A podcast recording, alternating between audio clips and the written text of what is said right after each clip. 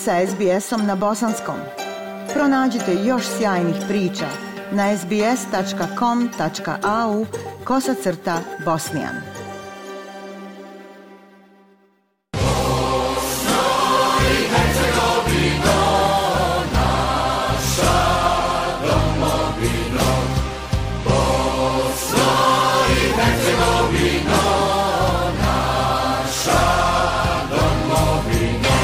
Slušate program SBS radija na bosanskom jeziku. Ja sam Aisha Hadži Ahmetović.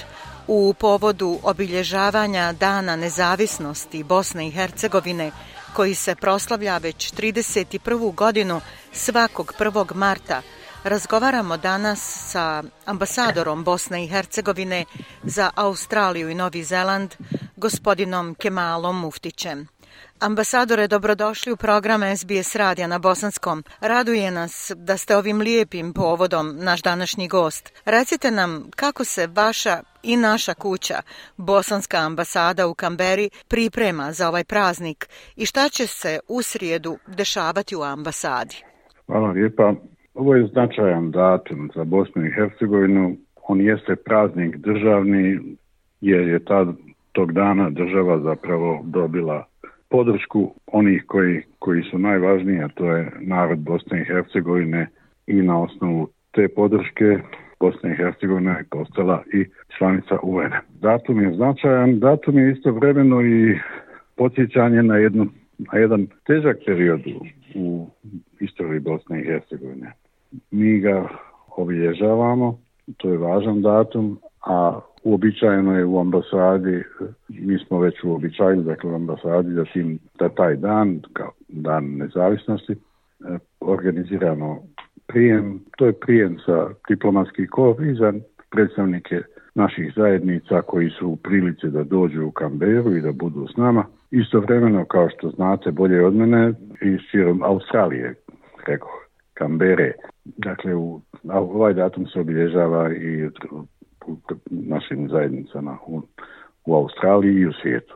Mada se Dan nezavisnosti slavi samo u Federaciji Bosne i Hercegovine, taj prvi mart se ugnjezdio u srca bosanaca i hercegovaca koji ga obilježavaju širom svijeta gdje god su se bosanske zajednice snažnije organizovale. Ovdje u Australiji teku pripreme za svečanosti tim povodom, kao što ste i rekli, u mnogim gradovima, u Sidneju, Melbourneu, Pertu, Adelaidu i drugim gradovima. Da li ste planirali prisustvovati nekim svečanostima ambasadore? planirao sam e, biti u Sidneju. Dobio sam, imao sam i pozive, ali druge, ali zbog udaljenosti, zbog e, raznih, da kažem, tehničkih okolnosti, e, vjerojatno ću biti u Sidneju. Načelno sam rekao da je, da je, da to. Prošle godine sam bio u ali drugim povodom u nekim našim drugim zajednicama. Dakle, u Sidneju 4 marta ima jedan, naša zajednica organizira da, Vijeće bosansko-hercegovačkih zajednica organiziraju obilježavanje Dana nezavisnosti. Protekle dvije sedmice svjedočimo strahovitoj tragediji uslijed razornog zemljotresa u Turskoj Siriji. Poznati po svom dobrom srcu i merhametu, pogotovo kada je u pitanju nevolja, bosanci i hercegovci u domovini ali i širom svijeta odmah su reagovali, organizovali mnoge akcije prikupljanja i slanja novca, sredstava i ljudstva u pogođena područja i sada traju te akcije. Recite nam da li se ambasada uključivala u neku takvu akciju i da li je takva vrsta inicijative uopšte u nadležnosti ambasade? ambasada je dio sistema državnog aparata u, svijetu. Ambasada naravno na, na, na, svoj način da dakle komunikacijom sa drugim, sa našim udruženjima, koordin, nekada i, i koordinacijom nekih aktivnosti nastoji da, da da svoj doprinos u e, ovoj tragediji da kažem. Naravno da smo s tim bili u kontaktima sa ambasadom, kolegama iz Republike Turske. Kao ambasada nemamo druge nadležnosti osim da, da, da budemo, da budemo motivator i da dio organizacije koja, je, koja se uključuje u, u, u konkretnu pomoć. Recite nam, ambasadore, na čemu ambasada trenutno radi? Kakvi su planovi, pa da ambiciozno kažem i projekti ambasade za ovu kalendarsku 2023. godinu? Nakon posjete ministrice Turković, eh, kada je spomenute su teme koje su od značaja za saradnju između dvije države. Jedna od tema je povezivanje privrednih komora ili osnivanje na razne načine, dakle unapređenje privredne saradnje između dvije zemlje. S tim u vezi smo u kontaktima sa australijskim ministarstvom i sa našim našim institucijama u Bosni i Hercegovini sa namjerom da animiramo da otvorimo prostor koji, koji mogu koji može zanimati naše privrednike u, u Bosni i Hercegovini naravno privrednike u Australiji koji imaju interesa za, za ovo. Istovremeno obavješteni smo i u kontaktu smo sa grupom naših poslovnih ljudi i poduzetnika u Sidneju koji, koji planiraju osnivati jednu komoru za New South Wales, naravno i za sve druge koji, koji njima gravitiraju i s kojima mogu biti u kontaktu, sa istom namjerom da se reanimira jedan odnos između privreda dviju zemalja kakav je postojao i ranije, znate, u nekoj prošlosti, bilo su velika preduzeća su imala svoja predstavništva u Australiji. Sada tih predstavništava nema, ali interesa očito ima dok, je, dok, dok imamo dosta takvih pitanja. To je ono što bi, što bi bilo vrlo značajno za razvoj odnosa između naše dvije zemlje. Naravno, radimo i na promotivnim aktivnostima Bosne i Hercegovine kroz institucije Australije i pokušavamo da na način na koji, koji je primjeren poslu diplomatskom uradimo ono što je do nas.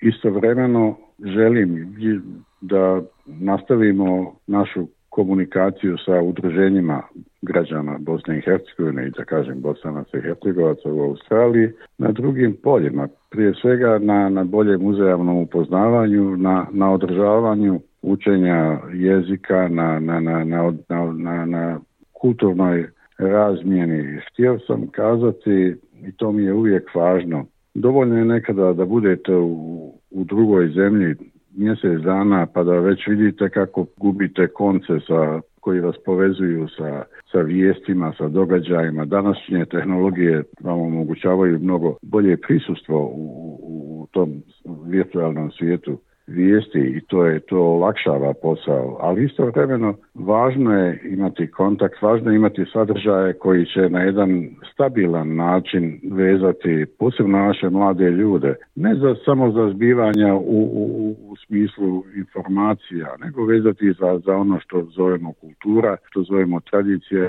zemlje i tako dalje. Neki dan je bilo na jednoj televizija o bošnjacima u Mađarskoj. Mađarska nije daleko, ali to su ljudi koji su prije više stotina godina otišli u Mađarsku i tamo ima jedna grupa ljudi koji se tako identificiraju kao bošnjaci, koji govore odlično jezik, koji su vezani, koji prate kulturu i, nastoje da, da očuvaju tu kulturu u svojim. Oni su uglavnom katolici i kad ih pitaju odakle ste vi, kako se vi nazivate, kao oni kažu bošnjaci. Dakle, to je jedno staro ime koje je postalo ponovo ušlo u upotrebu i, i dakle jedna, jedna veza sa, sa nekom Bosnom koja je imala koja je bila srednjevjekovna Bosna.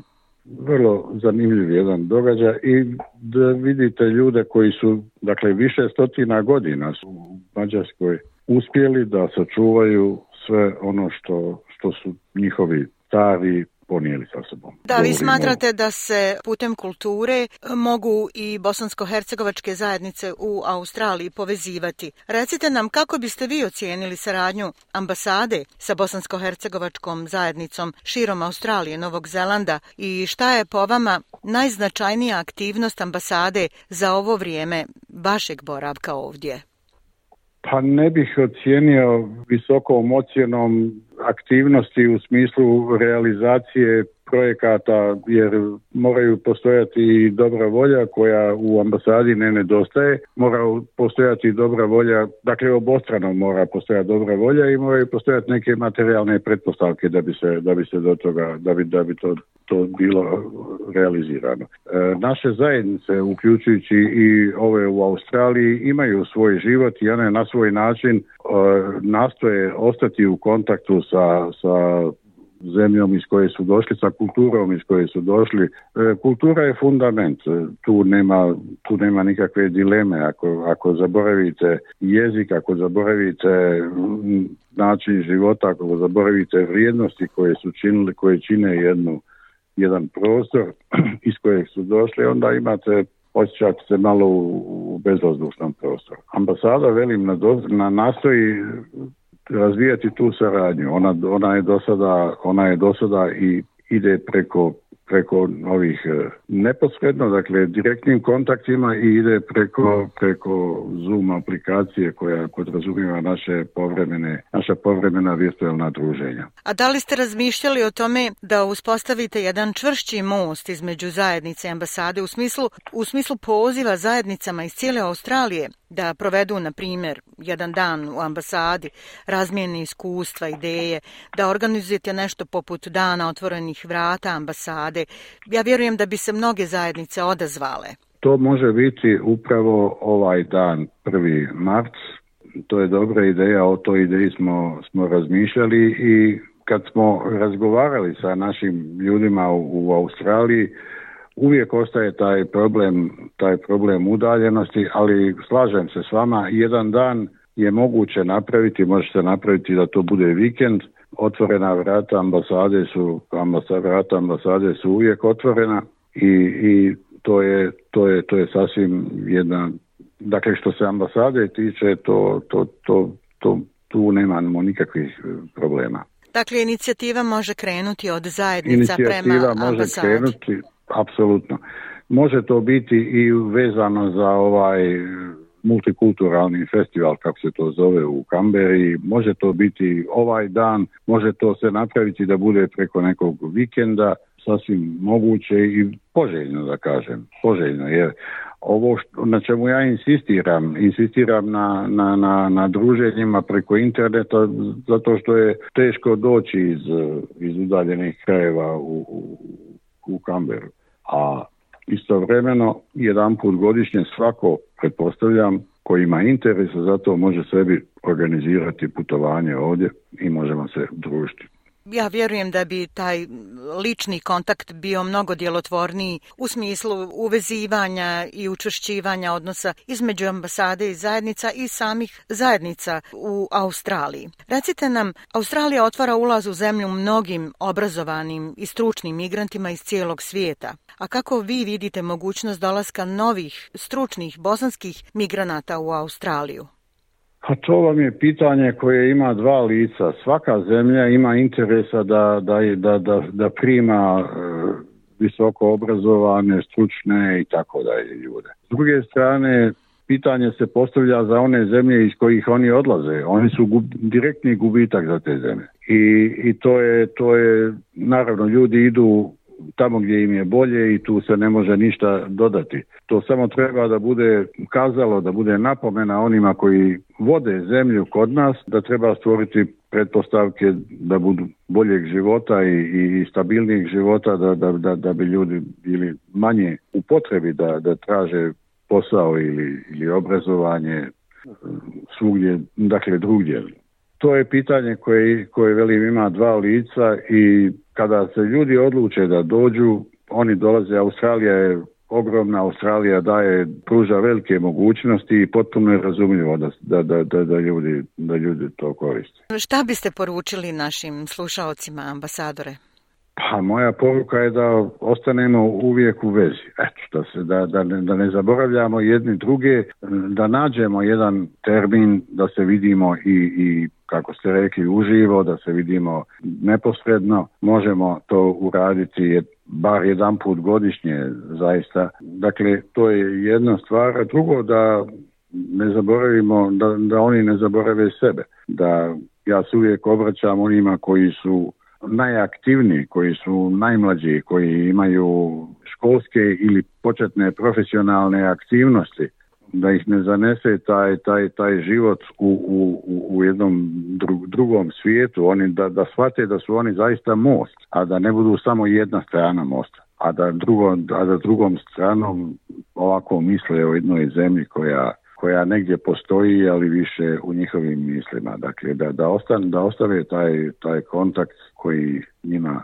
omogućava stabilnost svakako jer ne možete, evo kao što sam pomenuo, ove naše, naše ljude u Mađarskoj, oni su stotinama godina u jednoj drugačijoj sredini, realno, kulturno, drugačijoj sredini, ali opet ostalo je to da, da, da grade da svoj svijet i da čuvaju ono što, što je za njih vrijednost. E to isto važi i za naše ljude koji dođu posebno u ovako udaljene krajeve kao što je Australija, kao što je Novi Zeland, ne znam imali dalje, i da ostanu svoj i da naravno iskoriste i steknu sva potrebna znanja koja mogu i vještine u zemljama u kojima, u kojima borave. Da, oni su otišli iz Bosne, ali eto, domovina, da kažem, i predaka i u novim generacijama nikad nije otišla iz njih. Hvala vam na ovom razgovoru, ambasadore Muftiću. Bila mi je čast i zadovoljstvo razgovarati s vama, a pogotovo ovako lijepim povodom. Želim vam puno uspjeha u daljem radu i sretan vam dan nezavisnosti Bosne i Hercegovine. Hvala vama i moja čestitka ide i vama i svima koji nas slušaju. Like, share, comment. Pratite SBS Bosnian na Facebooku.